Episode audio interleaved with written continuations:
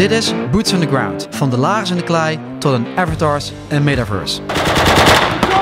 We are facing the most challenging security environment in a generation. Lid van de NAVO betekent een aanval op één is een aanval op alle. Aan de ene kant hebben we artificial intelligence, robots, nanotechnologie. En aan de andere kant hebben we gewoon de mens. Hè, met alleen een wapen, een radio en misschien wel die boots in the ground. Zo'n box waar je dan in zit noemen wij de killbox. A dictator will never erase a people's love for liberty. Hier op het kasteel van Breda, de bakermat van onze Nederlandse militaire traditie. Die bestaat uit slim en vernuftig inzetten van middelen en eenheden. Mijn naam is Gijs Tuinman, drager van de Bronzen Leeuw en ridder in de militaire Willemsorde.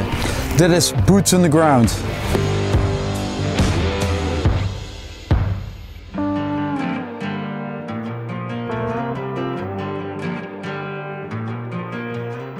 Welkom vandaag weer een nieuwe aflevering van eh, Boots on the Ground Warfighting. Vandaag hebben we een marineman eh, bij ons, eh, waarbij het zoute water eigenlijk door zijn aderen heen stroomt.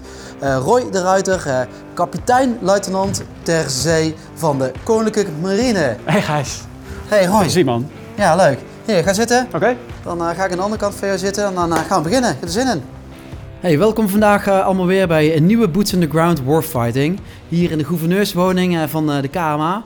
Eigenlijk eh, de bakermat van, eh, van de officieren. Vandaag met mij eh, hier de overste eh, Roy de Ruiter. Jij vliegt ook helikopters geloof ik toch? Ik heb gevlogen, ja.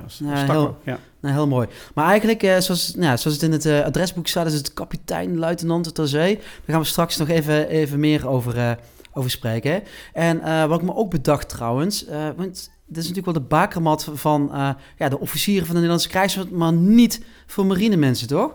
Nee, de, de, het Koninklijk Instituut van de Marine zit in Den Helder. En daar worden de officieren van de marine opgeleid. Klopt. Oké, maar uiteindelijk moeten we in, eh, ja, in, in, in oorlog en eh, moeten we met z'n allen samenwerken. Hè? En eh, ja, het is toch wel apart dan dat de marineofficieren in Den Helder wordt opgeleid. En voor mij, ik ben niet heel historisch zover onderlegd, maar voor mij hebben we de tijd ook samen gedaan. Maar op een gegeven moment is dat gesplitst. Dat heeft natuurlijk ook te maken dat Den Helder dicht bij zee ligt. En dat je vaak naar zee moet. Eh, zeker het het grote deel van de mensen wordt ook opgeleid als uh, zeg maar stuurman. Ja. Eh, en dat- ja, dan is het makkelijk als je met eh 10 minuten lopen aan boord van een schip zit en gelijk kan oefenen. In plaats dat je met de bus moet. Dus ik denk dat het daar historisch vandaan komt. Maar vast ook wel de scheiding tussen de krijgsmodellen die zeker vroeger aparte clubjes waren. Maar dan weet je ook dat hier, als je het hebt überhaupt over het optreden, het militair optreden op, eh, op water, hier achter eh, het eh, poortje en het turfschip van Breda, dat hier eigenlijk ook de bakermat is gelegd voor ja, het Nederland waar we nu daadwerkelijk in leven. Absoluut, ja. Nou, mooi zo. Hey, vandaag gaan we het hebben eigenlijk over, nou, niet zozeer de marine, maar wel het maritieme domein. Dus eh, in eh, de militaire wereld, ook zeker binnen de, de NAVO, hè, waar we als Nederland eh, al onze militaire capaciteiten ook daadwerkelijk inzetten, hebben we het over ja, vijf domeinen. Het landdomein, het luchtdomein, het maritieme domein, cyberdomein en space. Alles wat in, in de lucht plaatsvindt. En nou, vandaag gaan we dus kijken naar dat maritieme domein, naar eigenlijk sea power, zoals dat mooi heet. En ook een doorkijken maken naar sea power, daadwerkelijk in de future of war. Een hoop dingen gaan natuurlijk veranderen. Eh, ik had gevraagd om wat mee te nemen. Je hebt een wereldbol meegenomen. Hè? En eh, zou je op basis van jouw wereldbol kunnen uitleggen zeg maar, hoe dat ja, maritieme domein, dat domein van ja, voornamelijk water of boven, op en onder water, geloof ik, hoe dat in elkaar steekt? Nou, trouwens, goed dat je zegt van het, het maritieme domein is geen marine. Ik denk dat dat voor elke domein geldt. Ik denk dat we aan alle domeinen actief zijn. Altijd al. Eh, Dat wordt alleen maar meer, maar daar gaan we het straks over hebben. Ik heb die globe meegenomen.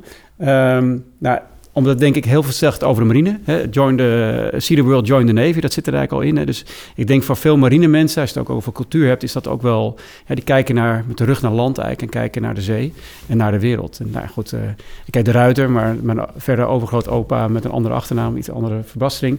Ja, die was ook overal in de wereld te vinden. En allemaal via de zee. Ehm, en als je naar de zee kijkt, is een grote bak met water. Een groot deel van het, van, de, van het aardevlak is water. Dat is een beetje cliché. Eh, maar het is natuurlijk wel waar. En dat water, dat, eh, dat is overal. Het is heel groot. Heel groot. Heel leeg. Er zijn geen objecten. Dus je kan je daar niet verstoppen. Dus dat doet wel iets met het opereren op, op zee en vechten op zee. Eh, het is een gevaarlijke omgeving. Hè, voor mens. Je kan eigenlijk niet zonder een schip overleven op zee. Het is vaak koud. eh, maar het is ook voor machines lastige omgeving. Corrosie, zout. Dus dat maakt het, dat het manier van opereren er anders is. Ehm, en wat grappig is van die zee, als je daar naar kijkt, en dat is wel leuk van die globe natuurlijk, is dat je ziet dat al die zeeën met elkaar in verbinding zijn. En dat maakt de zee ook zo belangrijk voor de mens. Het is eigenlijk, uh, zoals Mehen, een van de grote denkers, waar we het straks over gaan hebben, uh, zei het is de Great Highway. Het is vervoer van spullen. En dat is eigenlijk nog steeds zo. Hè. Mehen was uh, 19e eeuw. Ja, klopt. Maar het is nog steeds, uh, ik geloof iets van, van meer dan 90% van alle spullen in gross weight, hè, in gewicht, gaat over zee, wordt over zee vervoerd. En daar is eigenlijk nog meer bijgekomen, want heel veel data, denk aan datakabels, internetkabels en ook energie, windmolens, is op zee. Dus je ziet dat die zee heel belangrijk is voor onze manier van leven en economie. Um, uh, en dat is niet alleen economie, het is ook uitwisseling van culturen. Hè? Dus het betekent ook dat je door zee, zeker vroeger, met elkaar in verbinding uh, kon komen. Um, dus dat, dat maakt de zee denk ik interessant. En wat ook interessant is, en dat is misschien een laatste punt, is dat een groot deel van die bak met water, zeker als je een grote oce oceaan kijkt, eigenlijk alles buiten de 200 nautical miles, is, is zonder jurisdictie. Is open zee. Daar heeft eigenlijk niemand ja, zeggenschap over. Niemand wat over te zeggen, ja. ja. en daar gebeurt dus ook van alles. Er zijn ook geen regels, toch? Nee, er zijn eigenlijk geen regels. Ja. En binnen de 200 mijl zijn er meer regels. En binnen de 12 mijl helemaal. Uh, maar dat betekent dus dat je met een schip... Hè, dus, of met een met een krijgsmacht. Dus nou, daarom is bijvoorbeeld zo'n Amerikaanse carrier ook zo machtig. Je legt een carrier met 90 vliegtuigen, dat is dus eigenlijk airpower, leg je voor de kust van een, van een land. Dus eigenlijk niks. Ja, dus eigenlijk heel een stukje Amerika daar. Ja, in China en de Chinese ja. wateren daar, Zuid-Chinese zee, heb je een klein stukje Amerikaans grondgebied op zo'n fregat of zo'n onderzeeër ja. of zo'n zo'n carrier. Absoluut. En dan, heb je dus, daar kan je dus invloed mee uitoefenen, positief, negatief. Uh, nou, bijvoorbeeld, de Evertjes laatst naar de Zuid-Chinese zee gevaren. En wat daar gebeurt, is dat China zegt dat is ons gebied. Hè. Ze spuiten allemaal eilandjes op. En dan heb je het over de ja, vrije doorvaart, de internationaal recht, de rechtsorde. En daardoor heen te varen laat je zien van, nou, dat, dit is gewoon vrije zee. We kunnen er gewoon doorheen varen. Dus dat, dat uh, heeft dus invloed op hoe we met elkaar omgaan. Ja, dat is interessant. Hè? Wat eigenlijk wat je met ook een beetje zegt, is dat de, de marine ook gewoon een, een hele, ja. Ja, hoe zeg je dat, uh, hechte relatie heeft eigenlijk met uh, ja, ons, uh, ja, onze maritieme trade, hè? misschien wel handel, onze koopvaardijschepen en dat soort zaken. Hè? Maar wat ik ook altijd wel mooi vind aan de marine, kijk, de landmacht, natuurlijk van de landmacht, heeft natuurlijk ook een traditie, die gaat ver terug. Hè? De luchtmacht wat minder ver terug, hè? een jaartje of 100, 120. Nou, voor cyber is dat misschien 20, 15 jaar. En space als militair domein is het eigenlijk pas november 2019. En de marine gaat echt heel ver terug. En... Um, wat, wat bij mij resoneert, hè, ook als je nou gaat kijken naar de relevantie van historie, is uh, eigenlijk in uh, nou ja, die voor 1900 periode hadden ze het wel eens over uh, gunboat diplomacy. Hè? Dus een Amerikaanse kanonneerboot die dan eigenlijk naar Japan toe voer en dan eigenlijk daar de handelsbelangen van ja, de toenmalige de United States eigenlijk veilig stelde door middel van gunboat diplomacy. hoe zie jij die relatie eigenlijk tussen ja, handel en marine. En dan misschien ook wel een beetje nu kijkend naar uh, de actualiteit. Hè, wat er uh, plaatsvindt dan uh, in Europa. Hè. We hebben weer oorlog op ons continent. En, nou, en de, de Zuidoosthoek in de Oekraïne en, en de regio Rusland. Ja, dus die, die gunboat diplomacy en die, die, die handel, hoe zit dat nou precies in elkaar? Nou, ik denk die, die, die relatie, je legt dus denk ik heel terecht. Ik denk dat de marine en dat handel dus groot deel over zee gaat. Dus er is een altijd relatie geweest met die Great Highway, zeg maar. Ja. ja dus, dus dat relatie. En ik denk dat het het, het, Nederlands belang verdedigen, vertegenwoordigen. Dus verdedigen in offensief-defensieve zin, militaire zin, maar ook vertegenwoordigen. Dus ook vlag vertonen. Uh, marineschip gaat elk, elke reis wel een keer langs bij een haven. Dat, is natuurlijk, dat klinkt allemaal wel leuk, maar het heeft ook vaak een functie. Je nodigt iemand van het bedrijfsleven uit, je, nodigt de ambassadeur uit. Dus het, schip is dan een Nederlands grondgebied, je maakt een mooie receptie. En je kan dus ook daar diplomatie mee doen. Uh, maar als vervelend is, kan je inderdaad, en dat is natuurlijk nu wat, misschien wat lastiger... Uh, maar goed, zo'n carrier, dat is eigenlijk een moderne vorm van gunboat diplomacy. Um, een van de dingen wat de Amerikanen van de jaren 90 hebben gedaan... toen China ook met Taiwan bezig was... hebben ze daar een aantal carriers doorheen laten, daar neergelegd. En toen was China, moest zich, toen waren ze niet zo sterk... moest zich dus een beetje gedijst gaan houden. Dat is eigenlijk een moderne vorm van gunboat diplomacy. Van, hey, we zijn er, ga niet te ver... Want dan uh, kunnen we een klap uitdelen. Ja, ze zeggen uh, ook wel dat het in ons zit, hè? Dus ja, ja, ja. Zegt, nou ja, als Adenborst bijvoorbeeld, nou wat over het Kim... Uh, je wordt al heel snel geleerd om recepties te doen. Hè? Dus je gaat je eerste reis oh, maken. En dan sta je daar in je witte pak. Uh, en dan denk je, wat, moet ik eigenlijk zeggen tegen al die mensen? Maar dan word je geleerd om eigenlijk als een soort diplomaat uh, te kunnen acteren. Om gastvrijheid te tonen. Om het Nederlands, Nederland te vertegenwoordigen. Ik denk dat, ik kan me voorstellen dat bij de Landmacht dat veel minder gebeurt. Omdat je niet in de positie komt om dat te doen en dat misschien ook minder in de cultuur zit. Nee, maar in de eetzaal kun je het zien, hè? Dus uh, de marineofficier die doet dat uh, met, uh, met mes en vork. de landmacht militair, ben je zwart-wit, maar het liefst met zijn handen. Nou ja, de luchtmacht die heeft eigenlijk nog de, de olie aan, zijn, aan zijn handen zitten. Nou ja, onze cyberguru die doet dat met een afhaalpizza en space. Ja, ik weet niet, die hebben van die gevriesdrode zakjes. Ja, die mag een tron. Ja, ja goed, en het, het, is niet beter of slechter. Hè? Het gaat over, nou, dat komen misschien zo nog op. Ja, maar over, wel iets over die cultuur. Hè? Cultuur, en dat zijn uitingsvormen van cultuur die uiteindelijk uiteindelijk moet herleiden tot waar we opereren. En jouw vraag over moderne conflict, nou als je dan, ik pak die globe weer voorbij, maar bijvoorbeeld, Oekraïne is natuurlijk een conflict op land. Uiteindelijk is elk conflict op land, daar wordt, land, of wordt een conflict beslist. Um, maar het heeft een sterke maritieme component. Het gaat ook over beheersen van de Zwarte Zee. Uh, het Krim, die hebben ze al, de Russen. Ja. Uh, dus daarmee heersen natuurlijk al uh, een groot deel. maar je ziet ook de aanvalslijn was op Kiev, maar ook zeker langs de kust, om die kust eigenlijk af te sluiten. Want wat is waar is Oekraïne heel goed in, is graan produceren voor de hele wereld. Ja, dat is de grootste graanproducent. Ja, klopt. En daar zien we nu al gelijk problemen mee. De, de graanprijs gaat hoog. Uh, zeker landen die daar erg afhankelijk van zijn in Afrika hebben Ja, hoe ga je het land uit? Ja, nou, dat is weer een voorbeeld van die, van die Great Highway, zeg maar. En dus ook het belang daarvan. En een ander aspect is, uh, en dat is meer strategisch niveau... Kijk, Rusland heeft niet zoveel havens. En zeker niet zoveel ijsvrije havens. De eentje die ze hebben is Sint-Petersburg. Maar door Zweden, Finland, uh, toegetreden aan de NAVO of voornemens zijn dat te doen... Uh, is eigenlijk de, de, Balt, of de Oostzee, de Baltische Zee, is eigenlijk een, uh, een binnenzee van de NAVO geworden. Dus het is niet meer vrij toegankelijk. En de Zwarte Zee is ook een haven die altijd ijsvrij is. Dat is ook een manier. Hè? Nou, dat is ook de reden waarom ze wat in Syrië Tartus hebben geleased. Ja, die haven, ja. Ja, ja dus dat ze toch iets hebben in, uh, in, in de Middellandse Zee.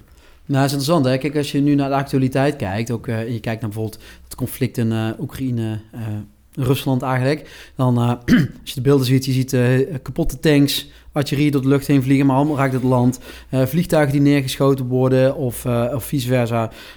je, hoort, je hoort nog wel wat over nou ja, cyber, hè? activiteiten die plaatsvinden en space. Nou, als ik zeg Elon Musk en zijn Starlink is dan wel duidelijk, maar op het marinevlak hoor je natuurlijk weinig, behalve dan nou dat die, de Moskva, die, die, die, die dat vlaggenschip eigenlijk ja, een stukje is geschoten. Maar wat we niet zo goed beseffen is dat hè, de raketvolleys en de, de missile, de, ja, dus, nou ook raket in het Engels dan, maar ja, die dan daadwerkelijk uh, uh, ja, Oekraïne binnenvliegen, dat een groot deel komen die van uh, ja, die maritieme platformen in die zee.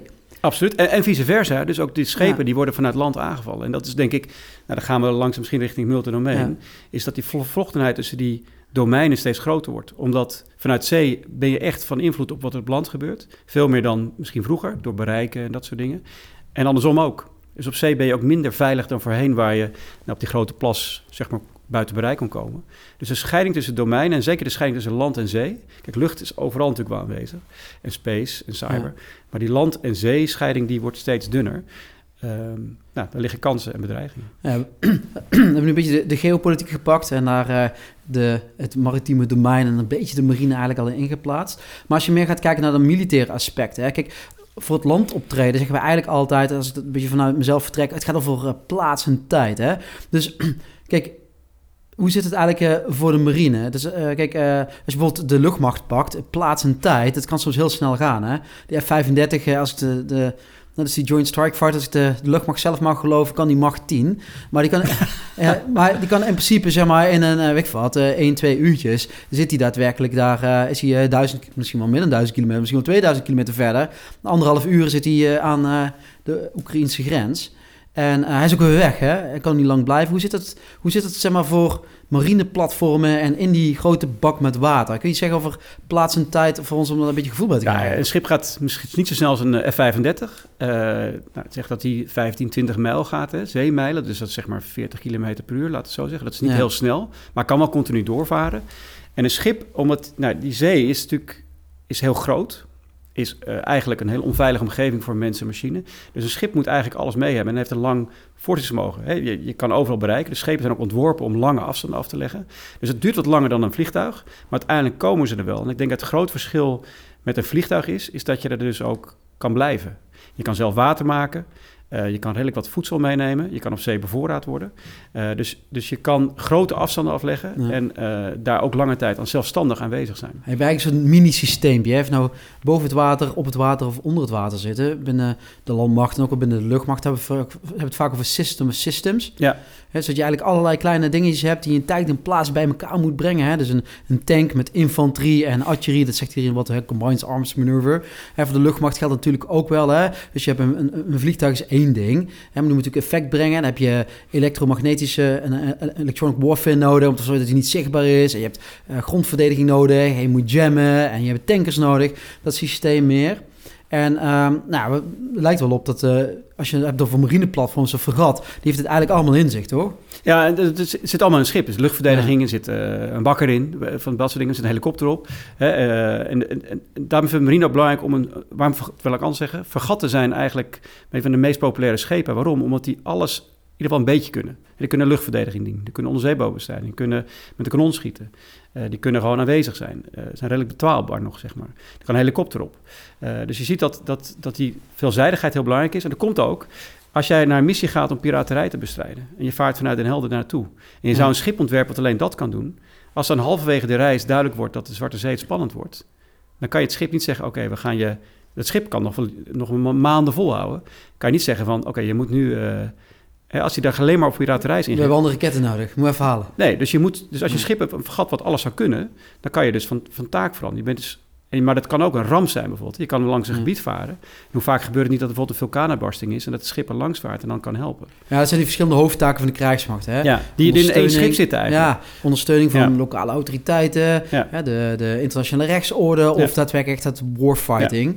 Beschermen van onze ja, bondgenootschappelijke Ja, ik integriteit. vind altijd roeien met de riemen die je hebt, is natuurlijk een, eh, zo'n uitdrukking, maar dat, dat is natuurlijk echt wel zo. Kijk, ik denk- ook dat zie je ook, dat zie je ook verschil in de, Nou, als je luchtmacht en marine vergelijkt, Ja. de luchtmacht is super gespecialiseerd in vliegen. Dat is natuurlijk een ding. En dan zijn ze ook, eh, ook veel eh, in, in, in- in voorschriften en in, techniek. En, echt, terwijl de marine veel veelzijdiger is. En dat heeft voor- en tegens. Hè? Dus dat maakt het je ook wat flexibeler misschien. Maar soms zijn niet... Marine schrijft ook weinig. Hè? Doctrine, marine was een van de laatste met de doctrine bijvoorbeeld. Die schrijft, die blijft toch? Ja, nou, maar schrijft heel veel. Ja, je hebt Kijk, de doctrinepublicaties is een hele reeks van boeken. Ja, dus zeg maar waar de TTP's in staan, Ja. hoe je als je onder vuur komt te liggen, hoe je dat moet doen. Ja. Als je luchtsteun nodig hebt, hoe je dat moet doen. Ja. Eh, hoe, je- hoe de logistiek inricht in ketens. Ja, Dat is- ja. En wat wel interessant is ook, eh, nou, het, eh, ja, je hebt natuurlijk ook les gegeven op hoge defensievorm, doe je nog steeds. Ik heb Ja. ook les gegeven. Hebben het met eh, de studenten, dus dat zijn nou, de muurs en eh, die dan door moeten, ook eens over gehad. Is van, wat, ik, wat ik daar wel interessant vond, eh, wat je wel een keer zei, is van, dus het perspectief tussen een landmacht militair en een, een, een marine militair, in het maritieme domein, dat het eigenlijk heel anders is. Hè? Een, een voorbeeld is bijvoorbeeld als je een, een fregat pakt, op het moment dat je in die warfighting rol komt en je wordt bedreigd of er komt iets, dan gaan eigenlijk alle luiken dicht. Hè? Ja. Dus iedereen verdwijnt van buiten naar binnen, zit achter zijn beeldscherm of in de helikopter achter eh, ja, je, je war position of die onderzeeër achter die war position. Voor de mariniers iets anders, hè? zou daar nog wat tijd eh, misschien eh, aan wijden. Maar, maar voor, de, voor de landmacht is het precies omgekeerd. Als je dat bedoelt. Dus je probeert juist zoveel mogelijk sensoren naar buiten te krijgen en dat soort zaken meer. En het tweede ook, hè, dus je zit niet altijd op dezelfde plek. Nee. Achter je battle station. En het tweede is, is dat eh, de, de range en tijd en plaats, hoe ver je kunt kijken, of wat voor soort tijd je kunt kijken, is niet alleen afhankelijk van de sensoren en de wapensystemen die je hebt. Als je je sensor 8 kilometer kan kijken, dan is jouw interessegebied 8 kilometer. Ja. Dan voor de landmacht. Dus we hebben een hele set en allerlei verschillende sensors en kijkertjes en ja, eh, en eh, een wapensysteem. Maar dat wapensysteem moet eigenlijk op 5 meter eh, kunnen treffen, het antitankwapen, maar ook het liefst op 8 kilometer. Ja, ja. Hangt er een beetje vanaf of er struikjes tussen zijn, wat, de, ja, wat het relief is ertussen, waar andere eenheden zitten en dat soort zaken meer. Hoe, hoe zit je daar eigenlijk in? En wat betekent dat misschien ook wel voor de mens, of, de, mens de cultuur, en maar ook hoe je de zaken organiseert in zo'n ja, marine van, eh, van hier? Nou, ik denk, dat- we hadden het al een beetje over afstand. Kijk, voor de marine is 25 kilometer is natuurlijk... Of, is niet veel. 25. 25 voor, ik kan voor de landmacht. Ik Ja, is, niet, ik heb is, bij- is een dag en nacht lopen. ja, maar voor een schip is dat niet. Nou, voor de luchtmacht nog ver, maar dat is dan weer tijdelijk. Dus de afstanden, perspectief van afstanden, eh, van plaats en tijd is, is echt verschillend. Eh, en wat je zegt terecht, een schip is natuurlijk... eh, oorlogsvoering op zee wordt gedaan door relatief weinig eenheden. Het is vaak offensief, hè? je kan je niet verstoppen. Je kan je niet ingraven. Ja, die onderzeekant is wel een beetje verstopt, hoor. Dat is de enige die dat een beetje kan. Ja. Nee, eh, maar de rest niet. Eh, dus, dus dat betekent dat je vaak offensief bent. Wie, wie ziet elkaar het eerste, kan vaak het eerste vuren en heeft vaak de eerste beslissende klap. Ehm, en het zijn vaak ook, ja, als een schip, als de commandant zegt we gaan bakboord uit, of je nou wil of niet, het schip gaat bakboord uit. Op land Ja, is dat, dat is, niet. dat is linksaf, toch? Ja, het is linksaf, sorry. Vanaf de brug. linksaf vanaf de brug. Ja, ja. maar ehm, eh, dat is natuurlijk voor een ehm, eh, op land niet zo. Want misschien zegt de eenheid het is niet te bereiken, gaat de andere kant op. Dat, dat maakt dan heel dus frictie hè, in landmachttermen volgens mij. Ja, Speelt op zee veel frictie. minder grote rol dan op, op, op land. Ehm, maar wat er lastig op zee is, is dat je dus wapenbereiken gaan misschien wel honderden kilometers ver. Maar die, nou, dat is die globe ook weer een mooi voorbeeld. De aarde is bol. Dat betekent dat je tot de horizon kan kijken. Ja. En vroeger hadden we een kraaiennest. En ver er- is dat, zit iemand, nou, dat is ongeveer 12 mijl, 15 mijl, een beetje van het zicht af. Nou, dat kan dus nog midden worden als het slecht weer is. En eh, de, luisteraars daar- moeten, de luisteraars moeten even doorrekenen. hè, want dan- Oh, sorry, ja, neem ik een goeie. Ja, dat is ongeveer 25 kilometer, 20 kilometer. 15, bij heel goed zicht, maar het is vaak heilig. Hè. Kijk, ga maar op het strand staan, probeer maar naar de Mist, zee te kijken. ja. Soms zie je de windmolens wel, soms niet. Ehm, maar daarom bijvoorbeeld ook, als je het over dimensies hebt, voor de marine, voor het maritieme domein, was het, was het, het hebben van een, het kunnen gebruiken van het luchtdomein eigenlijk een no-brainer. Je ziet ook die ontwikkelingen vrijwel parallel gaan boven land. Omdat je daarmee iets opent. Je kan opeens over de horizon kijken. En je kan misschien, die, die kanons in die tijd konden misschien ook al 50 kilometer ver weg schieten. En, maar je kon de tegenstander niet zien, dus je moest hem eerst vinden. En nu met vanuit de lucht kijken, kan je dat verder zien. Dus, dus het gebruik van andere dimensies is al ehm, veel eerder... ehm, Ja, Ja. doe meteen denken aan eh, een nieuwe podcastserie van eh, ja, Veldheren. Ja. Van, eh, Oh ja. oud, oude commandant strijdkrachten. Ook de baas van de, de luchtmacht, of eh, de, de marine en de luchtmacht natuurlijk geweest. En hè, dus eh, Peter van Uhm en eh eh Marten Kruijf. En eh, die hebben een hele aflevering gemaakt over Mission Command. Ja. Hè, Mission Command is eigenlijk waar je het over hebt. Hè, dus eh, dan... eh, als, en, en het idee van oorlog, hè, dan gaan we helemaal terug tot de, dou- de dode oude Pruisische ja, generaal en theoreticus uh, Clausewitz. Die had het dan over frictie en fog of war. En dat alles vaak net iets anders is dan dat in het eerste eh, ogenblik lijkt. En dat Mission Command is eigenlijk eh, nou, wel centraal plannen maakt, de doelen stelt. Maar dat de uitvoering dat je dat zo decentraal mogelijk, zo laag mogelijk in de organisatie weglegt. En dat ja, het initiatief op al die verschillende niveaus uiteindelijk bij elkaar zorgt dat je succesvol bent. Maar wat jij nu eigenlijk vertelt is van, ja, voor de marine... Of de, eh, de, de, ja, nou, dat wel. Hè. De marine of de maritieme platform op zee is het eigenlijk niet zo heel relevant. Wat, wat misschien wel heel relevant is, is de technologie en de staat van de technologie. Als ik namelijk 250 kilometer kan schieten en de ander 200, dan heb ik een zone van 50 kilometer dat ik eigenlijk altijd succesvol ben. Ja. Dus hoe zit dat met die, de rol van de mens in die platformen? Ja, even, even terug over die commandovoering. Wat wel grappig is dat je dus uh, door die... Traditioneel hè, was een schip, zodra hij de haven uitvaarde... en dan buiten die 25 kilometer kan... kon je nog zwaaien of een lichtsignaal uh, sturen. Ja. Maar daarna was het schip op zichzelf aangewezen. En dan ging het bijvoorbeeld voor een half jaar... Uh, naar de oost, hè, helemaal lang geleden. En dan ging je daar een kolonie stichten bijvoorbeeld, of dat soort dingen. Je werd enorm zelfstandig. Nou, dat is natuurlijk met moderne communicatiemiddelen is dat een stuk minder, maar nog steeds hebben, zit zelfstandigheid wel een beetje in de genen van, van marinemensen. De commandant is de baas op het schip, nou, de, de relatie met de mens. Dus een soort, soort god in zekere zin. Die bepaalt ja. wat het schip doet en bepaalt eigenlijk waar jouw woning naartoe gaat. Um, en McChrystal, hè, ik weet niet of je boeken tussen lag. Maar, nee, Team of maar Teams. Team of Teams die zegt ook, uh, met, wat hem met opviel... van Afghanistan, ja, die heeft ook alle, alle type domeinen onder zich gehad. En ja. die zegt, wat hem opviel bij marine-eenheden... en zelfs, zelfs wel meer dan misschien met speciale eenheden... is dat hij de ken het begrip van, in ieder geval Amerikaanse marine... maar in Nederland herken ik het ook wel... unless otherwise directed. Dus een, een commandant van een schip zal niet per se vragen aan toestemming... aan zijn hogere baas van, mag ik dit doen? Die zal zeggen, ik ga zo dat doen... En als het niet goed is, dan hoort hij het wel. Dus hij, hij, hij informeert hem eigenlijk. Dus dat is een uh, extreme vorm van mission command. En voor onze zeeboot geldt ook helemaal. Hè? Die gaan onder water, zijn absoluut niet ja, bereikbaar meer. Die nee, hebben klopt, helemaal ja. een, een, zelfstandige rol. Maar dit, dat zit nog steeds in die zelfstandigheid en die genen. Ja, dat is eigenlijk dus wel. Hè? Maar misschien op een ander niveau. Is dan hè, centraal plannen maken, doelen stellen en decentraal ja. uitvoeren. Hij wil ook een, uh, toch een, link, een, een sprongetje maken richting de future ervoor. Maar voordat we dat doen, moeten we eigenlijk toch wel even weer ja, de historie induiken. En even wat beeld schetsen over wat eigenlijk de, de theorie is. Hè? En met theorie bedoel ik altijd van hè, hele slimme mensen die hebben nagedacht over hoe je uh, ja, in dat maritieme domein, met maritieme platformen en misschien ook wel met, met andere capabilities, het andere domeinen, dat in kunt zetten om, ja, noem ze dan een instrument of power neer te zetten om de doelstellingen van de nazistaat Nederland uiteindelijk kracht bij te zetten. En uh, nou, even teruggaan, je noemde ze straks al uh, Alphatire uh, Mayhem. Mhm. Maar ook nog uh, Corbett, hè? Ook een, Ja, ja, ja. ja, ik heb hier een paar boeken erbij liggen. Die, die gaan erover. Hey, maar zou je even, even heel in het kort willen uitleggen zeg maar, wat het idee is van, van die Mayhem? Die heeft dan over, weet je, Blue Ocean. Ja, ja, nou goed, De theorie is natuurlijk... Ik, denk, het klinkt al een beetje saai, hè? En je had het over eh, oude Clausewitz, eh, eh, over oude Pruisische eh, veldheren. Ja. Maar het is natuurlijk wel belangrijk omdat er vaak soort algemeenheden in zitten... die helpen om de complexiteit van nu of Ja. van de dagelijkse dag te begrijpen. Nou, en, en Mayhem was een van de eerste die het maritieme domein goed op papier zette.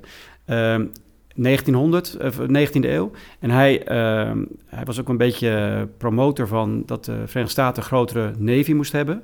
Ehm, dus het heeft ook iets van Douget, dat is zeg maar de luchtmachtpromotor. Dus het heeft iets propa- propagandistisch. Van, moet de marine is het allerbelangrijkste wat er is. Dus met die bril moet je het een beetje lezen.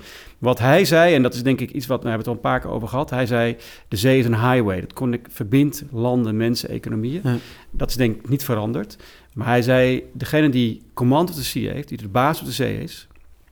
Die bepaalt de wereld, die is de wereldbaas. En in die tijd klopte dat ook wel. Hè? De Engelse, de Royal Navy was de baas en die beheerste de, was de, de wereldmacht.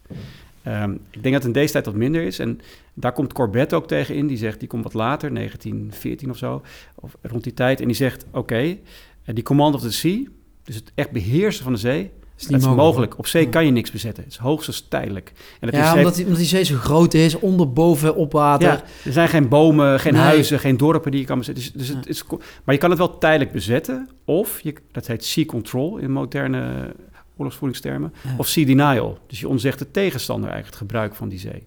En daarmee kan je die highway, die hij ook erkende als een belangrijk iets, kan je daarmee veiligstellen. Wat Corbett ook deed, en dat is wel interessant richting moderne tijd, is dat hij ook zegt, alles wat op zee doen, heeft, is ten dienste wat op land gebeurt. Want oorlogen worden gewonnen op land, want daar leeft de mens nou eenmaal. Ja, dat is het hele idee van... eh, Dat betekent niet dat... dat, ja, dat ja, is- oor- oorlog is natuurlijk een menselijke twist... Ja. waarbij de een de wil aan de ander probeert op te leggen. Dus het gaat allemaal over het hoofd. En waar Ja. wonen mensen? ja, ja. Vaak wel bij zee, Eh, maar... En wat je dan een derde hebt, en dat, is een beetje, dat zijn de drie hoofdcategorieën misschien, is, Ja. dat heet dan guerre de corps, jeune d'école of eh handelskrieg. Ja, dat is niet voor niets in het Frans of Duits. Heel lang hebben die landen natuurlijk een zwakkere marine gehad. Wel die, die highways willen eh, beheersen, of in ieder geval beïnvloeden. Eh, dus dan moet je denken aan een beetje counterinsurgency of insurgency op zee. Dus dat je de zwakkere bent tegen een grote machtige tegenstander, in die tijd dus de Engelsen.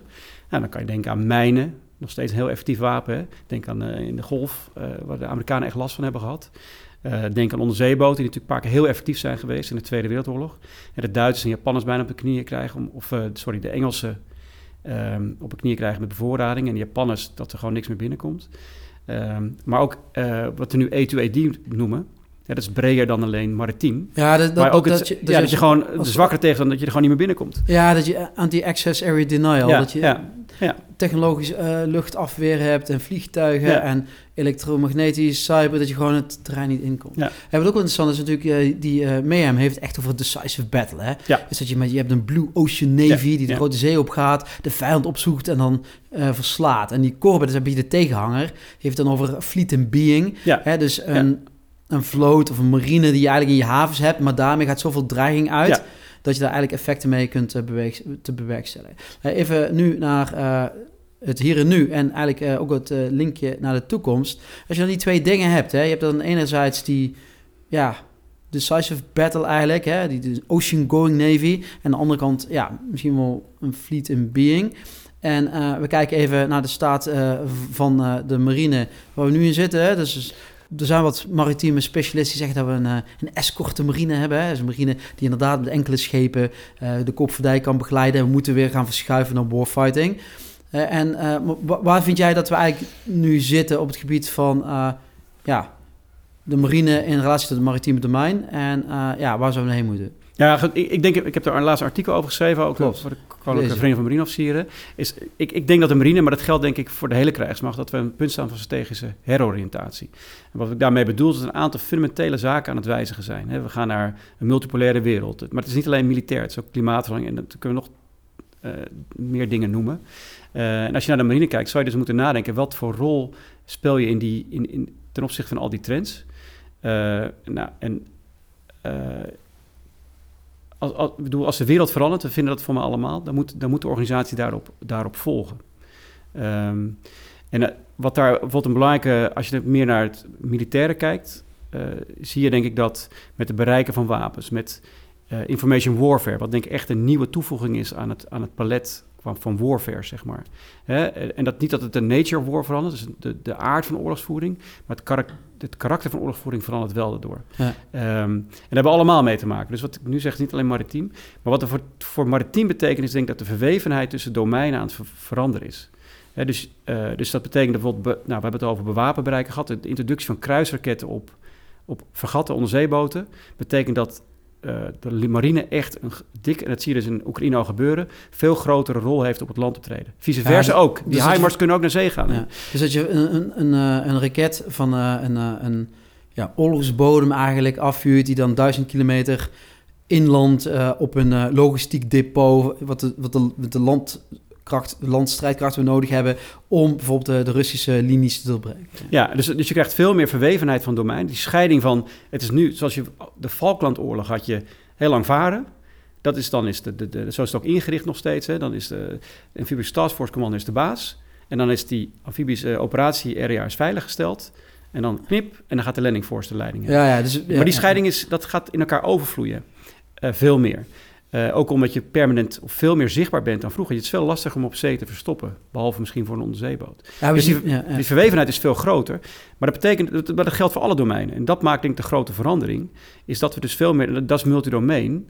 Dat is een beetje, neigt een beetje een buzzword te worden. Maar waar het om gaat, is dat je niet meer iemand hebt die... Het is nu de marine, dan de landmacht, luchtmacht, et cetera. Het gaat, dit is misschien het eerste uur de marine, dan de luchtmacht, dan de landmacht. En het verandert voortdurend.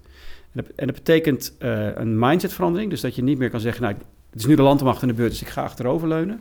Um, uh, maar dat betekent ook dat we elkaar moeten gaan verstaan. En dat heeft te maken met koppelen van netwerken. En dat is niet per definitie zo. He, link 16, link 22, dat zit in het luchtdomein en het ja, zeedomein al redelijk. Ja. Op grond misschien in luchtverdedigingseenheden. Maar goed, dat moet met elkaar gaan praten om, elkaar, om dat gevecht ook gezamenlijk te kunnen voeren. En daar ligt denk ik wel de grote verandering. Um, en op je vraag, zijn we een escortevloot? Ja, dan moet je dus, en wat, wat daar eigenlijk aan vragen vooraf ligt, en dat is ook waar ik in mijn artikel op oproep. We moeten een debat gaan voeren met welk soort marine lever je de grootste bijdrage aan om het belang van Nederland te, verdedigen, te, te behartigen. Hè? En um, kijk, als krijgsmacht in Nederland zijn we eigenlijk een bijdrage krijgsmacht. We zijn geen Amerikaanse krijgsmacht die alles kan. Sterker nog, zij kunnen niet eens alles. Nee. Dus we zullen daarover na moeten denken, wat voor rol willen we hebben? En ik, ik heb het antwoord ook niet. Maar ik, wat ik wil oproep is dat we daar debat over gaan voeren. En ik denk dat deze podcast daar ook aan bijdraagt. En alle symposia die er steeds meer georganiseerd worden. Dus het begint te leven. Maar we moeten dat wel doen. We zitten echt op een kruispunt. En, ja, en, en om nog één ding te zeggen, sorry, is dat het ook niet nieuw is. We hebben het vaker gedaan. Ik, ja. nou, dat, ik vind een goed voorbeeld altijd de marine die in de jaren 70, 60 een vliegkampschip kwijtraakt en hun kruisers. Moet je je voorstellen dat je klaar was om commandant te worden van een vliegkampschip, hè, de Karel Doorman. En opeens zeggen ze, je wordt nu commandant van een vergat. Of mij niet. Of met mij niet. Nou, ja, ja, precies. Maar dat, uh, um, dat, dat, is, ja, dat, zou, dat zei ik misschien enorm af. Maar dat, dat is wel de transitie die marine toe gemaakt heeft. Omdat ze beseften, we kunnen niet meer betalen, niet meer bemannen. Eigenlijk dezelfde vergelijkbare vraagstukken als toen. Um, uh, andere wapensystemen, dat opeens geleide wapens. Die, die, die waar we geen antwoord op hadden. Nou, die ontwikkeling. En daar moeten we over voeren. En dat is iets, denk ik, wat ook niet in een visiestukje opgelost is. Maar je moet daar, dat is iets van langere adem, zeg maar. Nee, het is toch, toch stiekem wat mensen werken, hè? Ja. En we zeggen die, die feature ervoor hebben. En, uh, ja, volgens mij was je er ook bij, hè? Drie kwart jaar terug of zo... Uh, de, de slimste koppen uit de, de wetenschap en de praktijk bij elkaar gehaald. En de Future of War Conference hier in, uh, in Amsterdam... natuurlijk uitgebreid over gesproken. En wel ook dat de proliferatie, hè? dus de verspreiding en de versnelling... van technologische ontwikkelingen. En niet alleen op dracht van wapensystemen en zichtsystemen... maar ook op artificial intelligence, maar ook op data. Hè? Dus hoe kun je communiceren over, over de wereld. Mooi voorbeeld, hè? ik vind Napoleon, dat is natuurlijk de, de, de landheren, zeg maar, Napoleon Bonaparte. Maar uiteindelijk was het ook een, uh, een, uh, een marineheer, hè, die zijn suikeroorlogen hier in het Caribisch gebied uitvocht. en het nadeel wat, wat Napoleon vond was, ja, je moest een brief meegeven en dan over anderhalf jaar kreeg je te horen of het wel was gelukt of niet was gelukt. En die tijden zijn natuurlijk wel wat dat betreft voorbij, dat gaat heel snel. Je hebt het bijvoorbeeld ook over Link 16.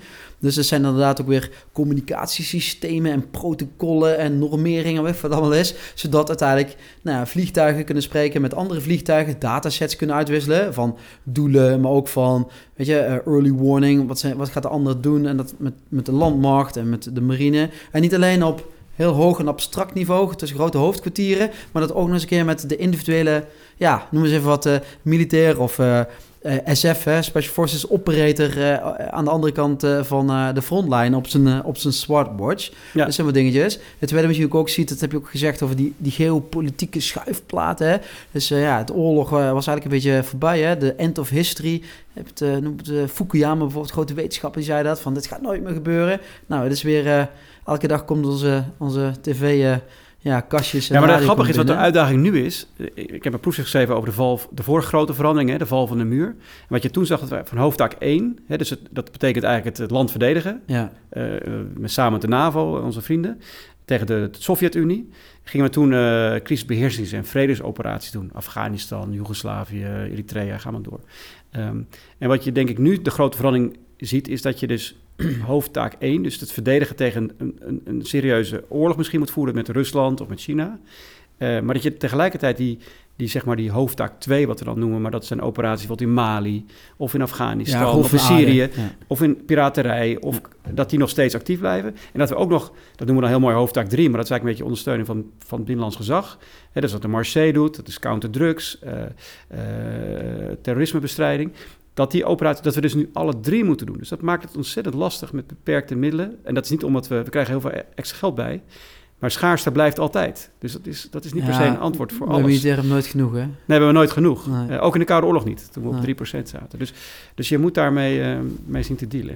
Ja, ja helemaal mee eens. Hè? En wat natuurlijk ook de uitdaging is, zowel in Den Haag, in de beleidsafdelingen... en wat de spulletjes moet gekocht moeten worden... maar ook dat werkt op de werkvloer. Nou, de landmacht doen we dan doctrine schrijven. Bij de luchtmacht is, het weer iets anders. En uh, nou, bij de, de marine uh, nou, weer iets anders. En dan nou, niet hebben over space en cyber. Dat uh, is allemaal nog even onduidelijk hoe dat er precies uitziet. Maar de truc is natuurlijk is dat uh, het idee is ook dat je, ja, je dat volgt tijdelijk, hè. Dus dat je eerst met uh, in, in de cyberspace en, überhaupt in space, dat, dat je eigenlijk met elkaar kunt communiceren. Je kunt met satellieten, kun je, weet je, als we iets moeten doen, bijvoorbeeld uh, in China, nou, dan, dan, kunnen we dat allemaal bekijken, we kunnen met elkaar communiceren. Twee is, moeten we naar China toe, dus de marine kan die, ja, die sea lanes of communication kunnen ze veilig stellen. En dan, dus dan is dat de supported command, heet dat geloof ik. Hè? Dus degene die uh, alle ondersteuning krijgt van de anderen. En dan komt de luchtmacht. Die, sla, die schakelt er dan naar wat strategische en tactische en operationele doelen uit. Zodat de landmacht hè, met zijn landcapaciteit aan land kan komen. Contact kan maken met de bevolking, op de vijand. En dan onder een paraplu uh, met elkaar ja. veilig in hoofdkwartieren en grote ja, logistieke opslagplaatsen kan gaan werken. Maar dat is wel een beetje voorbij, zeggen de, de grote dames en heren. Nou, drie kwart jaar geleden ook. Hè? En is dat we ons meer en meer moeten richten om zo'n uh, positions of relative advantage. Dus dat je continu, zeg maar, ja, in een soort schaakspel ja, na moet denken. Niet alleen van uh, wat moet ik met mijn land of middelen in het landdomein, maar hoe kan ik ervoor zorgen dat ik de marine bijvoorbeeld in de positie breng dat ze voordeel hebben en vice versa. Dat die haven niet gebruikt kan worden. Ja, maar dat, en, dat, en ik denk dat het, uh, dat het ook begint bij... Want je had het begon al even over, net over de, de individuele militair. Dus soldaat, de marinier, dus uh, de, de, luchtmacht. Uiteindelijk moeten we dus ook, omdat dus uh, als je elkaar goed... Als het, als het multidomein optreden als buzzword, maar als je dat goed gebruikt... Dus als je elkaars domeinen goed gebruikt en niet ziet als dan in blokjes, maar tegelijkertijd... Dat, je, dat betekent ook dat je elkaar moet begrijpen. en uh, dus dat je dus moet verdiepen in, nou, we hebben net uitgehad wat, het, wat de basis is van het maritiem optreden. Wat is de basis van het landoptreden? Wat is de basis van het luchtoptreden? Nou, daar gaat ja. jouw podcastserie natuurlijk een, een, inzicht in geven. Maar dat weten we vaak niet van elkaar. Omdat in je eerste functies zit je redelijk in je gespecialiseerd. Dus, maar we moeten het wel doen. Want als wij het niet doen, onze tegenstander kan het ook doen. Toen als jij die, al die effecten die in die verschillende domeinen beschikbaar zijn, veel meer tegelijk of slimmer kan inzetten, dan bereik je veel meer dan als je zegt, nou ja, is nu onze beurt. De rest is nu even, doet niet meer mee. Hè? En we zijn denk ik nog te veel geneigd om te zeggen... wat kan de marine doen als ik, als ik op een schip zit? Wat, wat valt in ons... En misschien dat we dan nog wel denken aan een vliegtuig... maar de rest, uh, aan land denken we sowieso niet, bij wijze van spreken. Ja, de mariniers maar. Ja, mariniers, maar dat is amfibisch natuurlijk. Maar ja, ook nog een ja. maar volle zee, zeg maar. Echt een, een zuiver maritieme-achtige setting. Ja, dat, maar daar moeten we dus vanaf. We moeten dus gaan kijken van waar kunnen we elkaar gebruiken... en wat is op dit moment handig. Misschien is het wel handig om uh, voordat je een landing doet, dat je met cyber uh, een bepaald radiosysteem of radarsysteem uh, misschien even tijdelijk buiten werking zet, zodat je dus naar binnen kan sneaken, noem maar wat. dus je moet veel meer breder denken. En ik denk dat dat vraagt dus om, dat begint dus bij hier op het KMA of op het KIM of op de HDV of alle opleidingen. En misschien ook daarbuiten, want het is natuurlijk niet alleen maar militair. Je kan ook aan buitenlandse zaken denken of aan media of ga maar door. Dat is ook multidomein, is dat je dus begrijpt wat iemand kan, wat hij niet kan. En hoe je elkaar kan helpen en hoe het uiteindelijk bijdraagt aan de greater good of the, greater mission. En daar ligt voor mij de grote uitdaging. En wat zou dan de, wat dan de boodschap zijn? Enerzijds de, ja, de marine uh, mensen en hier dan uh, de marineofficieren van de toekomst. Maar ook aan al die anderen in die andere domeinen. Hè? Landmacht, luchtmacht, cyber, space. Van uh, ja, hoe zorgen we ervoor dat we die mekaars domein, en niet alleen het domein zelf, maar onze organisatie, cultuur, de rol van, van de mens, plaats- en tijdfactoren beter leren begrijpen om uiteindelijk een potentiële tegenstander ook uh, ja, een... Uh...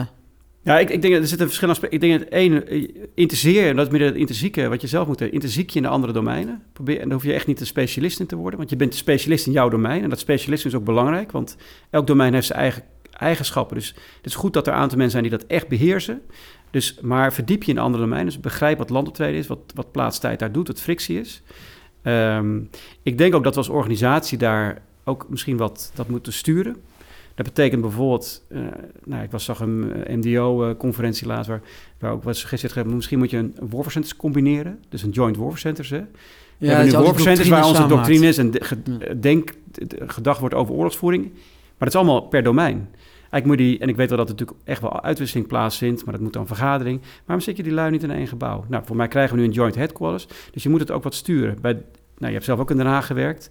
Daar hebben we SOCOM, we hebben lucht, land, zee. Uh, we hebben dus allemaal verdeeld in domeinen eigenlijk. Misschien moet je dat ook veel meer gaan combineren, zodat je dus gedwongen wordt om gezamenlijk na te denken. Ja, want iedereen, al die domeinen natuurlijk en al die afdelingen, die kijken natuurlijk naar vervanging, bijna bij wijze van één op één vervanging. Ja. Oké, dit gaat eruit, oké, daar hebben we iets anders voor nodig. Terwijl, nou, ik heb een stapeltje boeken, bijvoorbeeld dat Ghostlead is ook een leuk boek trouwens, ja, ja, ja. over uh, nou, wat een scenario voor de toekomst. En uh, ja, die, dat dwingt je echt wel om, uh, om anders te denken. Hè? Maar zij worden ook gedwongen, want als ze dus iets anders gaan doen, zegt iemand, oh, je wil het niet meer hebben, dan schrappen. Dus het is ook het, het bureaucratische politieke spel wat er speelt. Maar goed, dat is misschien een ander, ander onderwerp. Ja. Um, en wat denk ik ook is, maar dat is, is dat je ook misschien... Uh, is dat je ook ruimte krijgt om een andermans domein te kijken. Ik bedoel, vaar een keer mee een week met een schip of twee weken. Daar haal je echt niet alles uit. Maar je hebt wel gevoel van, nou, bijvoorbeeld afstand, van tijd, van wat het is om op een schip te zitten. Jij, jullie op land zie je af in de modder en de kou en de regen. Op zee zie je af, omdat het schip enorm tekeer gaat. Ja, was mij gewoon... Eh, dus dat, dat geeft iets gevoel voor. En hoe zo'n schip dus... Nou ja, wat jij zegt... Ik denk dat voor jou best wel apart is als... We gaan bakbaard uit, naar links. links ja. En en, en je hele schip volgt. En je ziet ook dat niemand daar echt mee bezig is. Nou, wat, wat mij intrigeert is... is, ze gaat nu allerlei raadjes draaien. Is het idee van... Weet je, maar als je dan je vaart, hè, dus het landperspectief en het maritieme perspectief. Je vaart, er is een dreiging, er wordt op je geschoten, dan gaan eigenlijk alle leuken dicht. Iedereen gaat naar de vaste plek. En ja, dus je ziet hem binnenkomen en je, je doet je tegenmaatregelen. Dus ja, weet je, of je schakelt die raket uit of jij wordt uitgeschakeld, zet toe.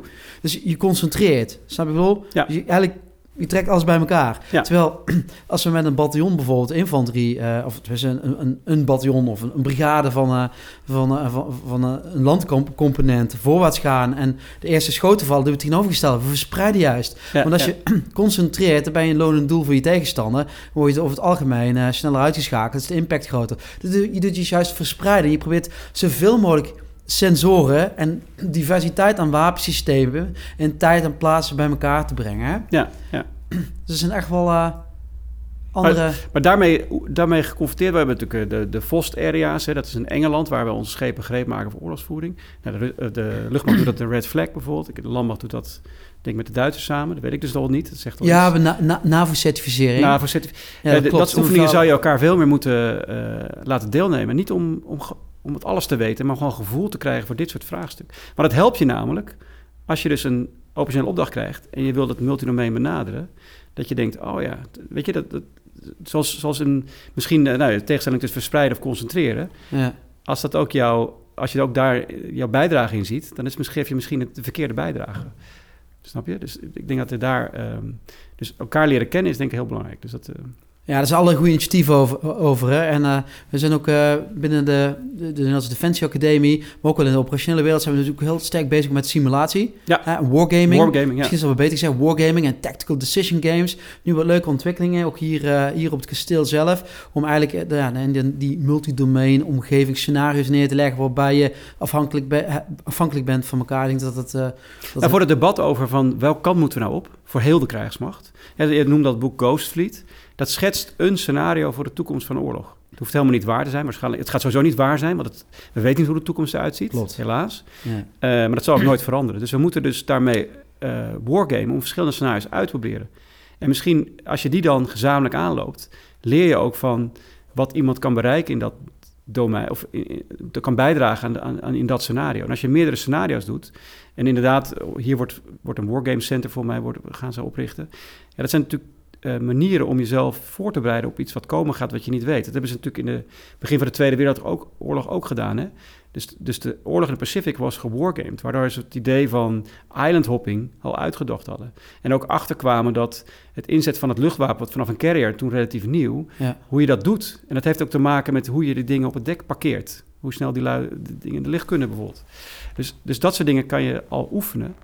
Uh, maar dat helpt je ook om te begrijpen wat, wat, wat er gebeurt in het, het onbekende of ja, het andere domein en hoe je dat effectief kan inzetten. Dus ja, daar zou het veel meer op in moeten zetten. En dan moet je dat ook niet een landmacht wargame doen, dan moet je gewoon een gezamenlijke wargame doen. Of een marine wargame. Ja. Het blijft, blijft fascinerende materie, Ja. Roy. En uh, we gaan nu toch uh, langzaam uh, richting een afronding. Ik denk, uh, we het over hebben gehad, we hebben het over het maritieme domein gehad. En nou, leuk dat je die wereldbol meeneemt, dat het heel sprekend is. Hè? Hoe, zeker vanuit de historie, maar ook een beetje vanuit de theorie. Nou, je hebt niet zo heel veel doctrine, maar misschien ook wel naar de toekomst. Hoe dat ja, het spel voor geopolitiek en handel eigenlijk kenmerkend is van ja, hoe het maritieme domein eruit ziet. Het maritieme domein is niet alleen de marine actief, maar ook nou, wat van die andere... Ja, operationele commando's uh, noemen we dat. En, uh, maar ook dat het maritieme domein is gewoon uitgestrekt. Het is eigenlijk leeg, hè, maar je kunt er aan de andere kant kun je niet makkelijk verstoppen. Het gaat ook over platformen, hè, systemen die eigenlijk bij elkaar brengt en die er eigenlijk als een soort van ja, unieke ja, vergat eigenlijk al hun taken kunnen uitvoeren en zelfstandig zijn. Dus dat is, uh, dat is denk ik heel interessant. Maar het betekent ook iets voor hoe zijn ja, zo'n zo'n ja, zo'n marine eigenlijk dan ook georganiseerd is. Het heeft impact op uh, ja, hoe je eigenlijk uh, vecht. Maar we hebben het ook gehad over bijvoorbeeld wat het betekent voor ja, cultuur. Hè? Nou, uh, marine mensen die eten met mes en vork. de, de militair die eet, landbouwmilitair die eet met zijn handen. Maar we hebben het ook over gehad hoe het dan zit met havenbezoeken. Dat dingen, maar dat die cultuur, ja, dat het belangrijk is en dat we voornamelijk hè, het mensaspect, dat we elkaar toch wel wat beter moeten leren kennen. Niet omdat we dat graag willen, omdat het leuk is, maar omdat het uiterste noodzaak is. Hè. We kunnen niet meer uh, weer uh, domein voor domein uh, de vijand eigenlijk in, in piecemeal, heet het in het mooi Engels.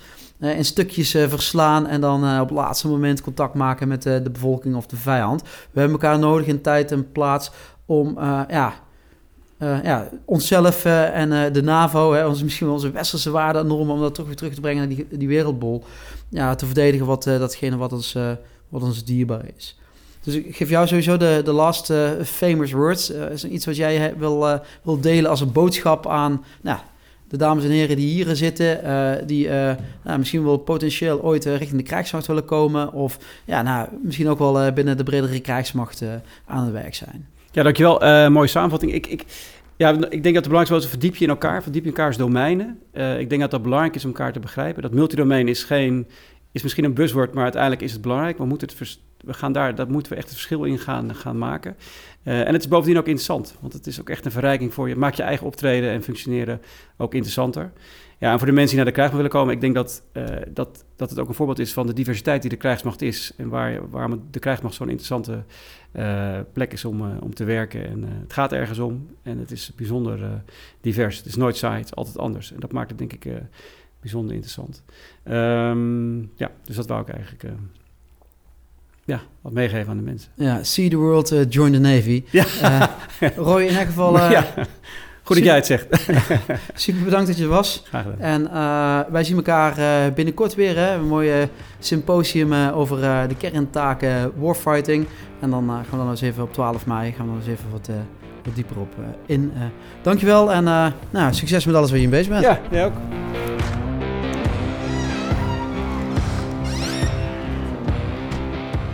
Multidomain operations. Dat was het thema van, van deze podcast. Um, ik denk als ik, als ik iets zou moeten meegeven aan de kijker thuis, is het uh, verdiep je in elkaars, uh, in elkaars domein. Hè? We zien er anders uit, we praten misschien anders, we hebben een andere achtergrond. Maar we hebben elkaar nodig. Multi-domain operations is meer dan een buzzword. Het gaat over meer samenwerken. Hè? En dat betekent begin bij elkaar leren kennen en begrijpen. en dan maken we er samen een beter product van. En dat zullen we moeten doen. Want als wij het niet doen, doet de tegenstander dat.